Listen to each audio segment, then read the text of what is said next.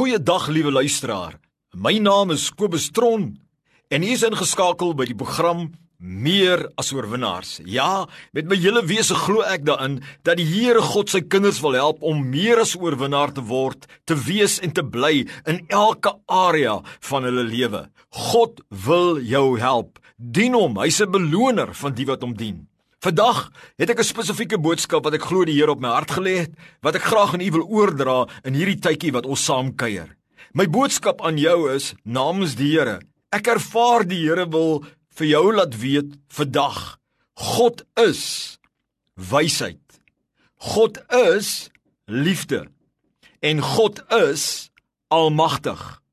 Ek glo die Here wil hê jy moet hoor sy hart en jy moet 'n stuk verstaan van hom wat in die hemel is deur sy Heilige Gees op aarde dat hy wil vir jou sê dat wanneer jy hom dien jy dit moet aanneem in die geloof dat hy wys is dat hy die wysheid self is dat hy liefde is en dat hy almagtig is en dat hierdie drie komponente altyd saamwerk wanneer in ons verhouding met God.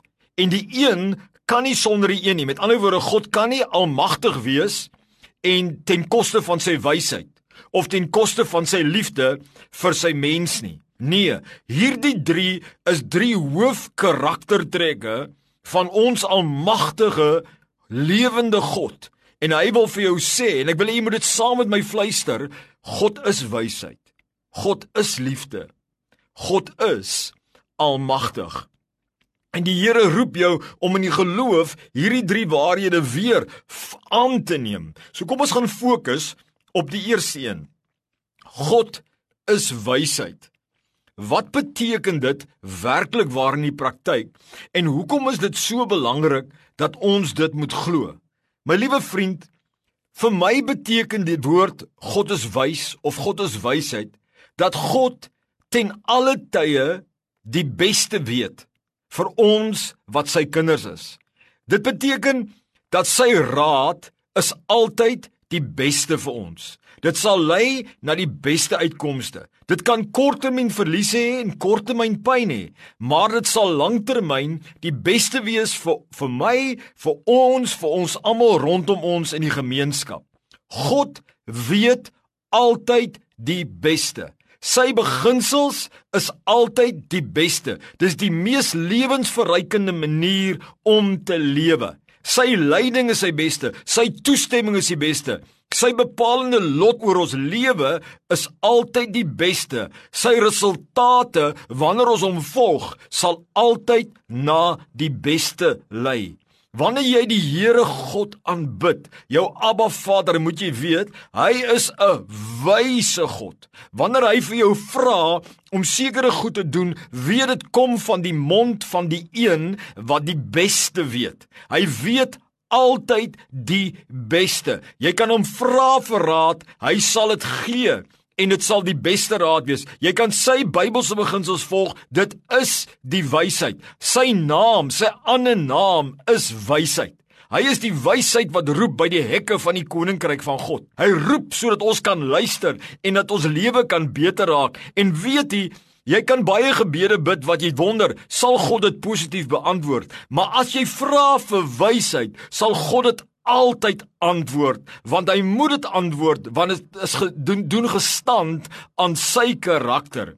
In Jakobus 1 vers 5 bevestig die Bybel dit. Hy sê as iemand van julle wysheid kort kom, laat hom dit van God bid wat aan almal eenvoudig gee sonder om te verwyd. Hier duidelik is die uitnodiging van die apostel onder die leiding van die Heilige Gees dat as ons wysheid kort kom in besluitnemings, in aksies, is dit reg, is dit verkeerd, is dit die beste vir ons, is dit nie die beste vir ons nie. Dat die Here sê, "Vra van my, ek is die bron van alle wysheid en ek sal vir jou wysheid gee." In Spreuke 2 vers 6 sê die Bybel, "Want die Here gee wysheid.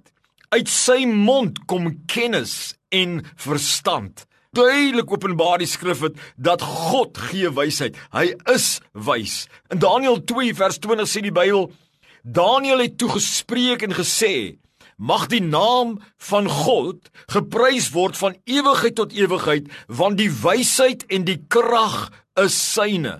My liewe vriend, net soos ek 'n pa is en ook nou 'n oupa is, wil ek net dit vir jou sê, verstaan ek hierdie beeld van God dat hy wys is want as jy 'n pa is wat jare die pad geloop het of 'n oupa dan het jy geleer wat is die beste vir iemand anders onder baie omstandighede en vir jouself. En daai wysheid wil jy oorgee. Jy wil vir jou dogter sê moenie daaraan raak nie want jy weet daardie pan gaan brand of daardie stoof gaan brand as jy daar gaan vat.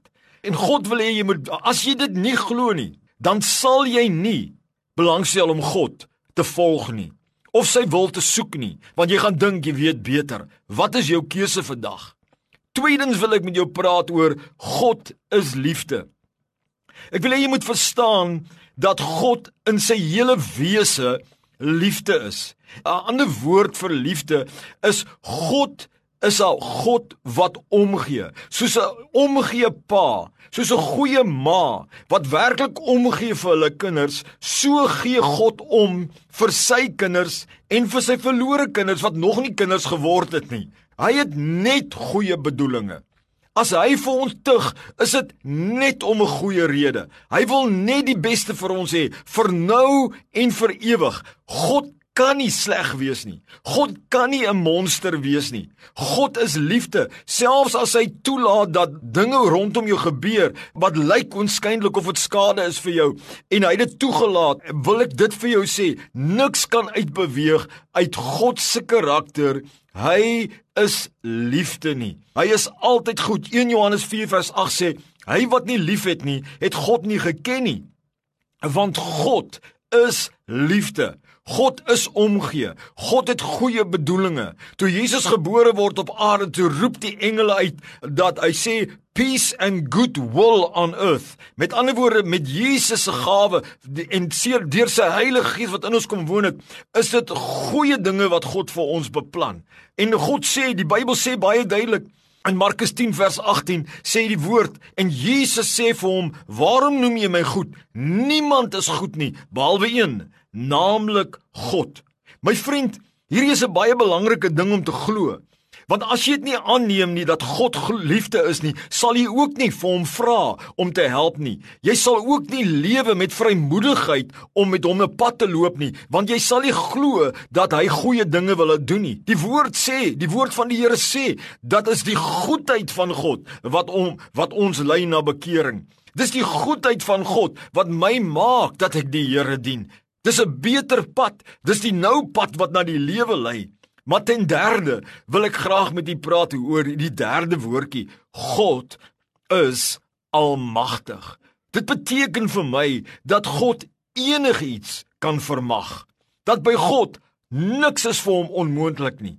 Dat by God kan enige wonderwerk doen as dit in lyn is, maar luister baie mooi, as dit in lyn is met sy vorige twee karaktertrekke, met die feit dat hy wys is en die feit dat hy liefde is, dat hy die goedheid self is. Onthou altyd hierdie dinge my vriend, wanneer jy met God praat, neem in die geloof aan Kies dit. God is almagtig. En maar weet, wanneer jy vra, God sal antwoord maar in lyn met wysheid en in lyn met sy liefde. Markus 10 vers 27 sê, maar Jesus het hulle aangekyk en geantwoord: "By mense is dit onmoontlik, maar nie by God nie, want by God is alle dinge moontlik." Jy dien 'n almagtige God. Jy dien 'n liefdevolle God. Jy dien 'n wyse God en maak nie saak wat mense vir jou sê nie. Dit is God. Dit is wat die Bybel sê God is en dit is wat God vandag vir jou wil vra. Kies jy vandag om dit te glo, om dit aan te neem, om 'n deel van jou waarheid te maak wanneer jy God dien. O my vriend, dit sal jou so help om net meer inspireer om God te soek, om hom te vra, om te gehoorsaam want jy weet, God is wysheid.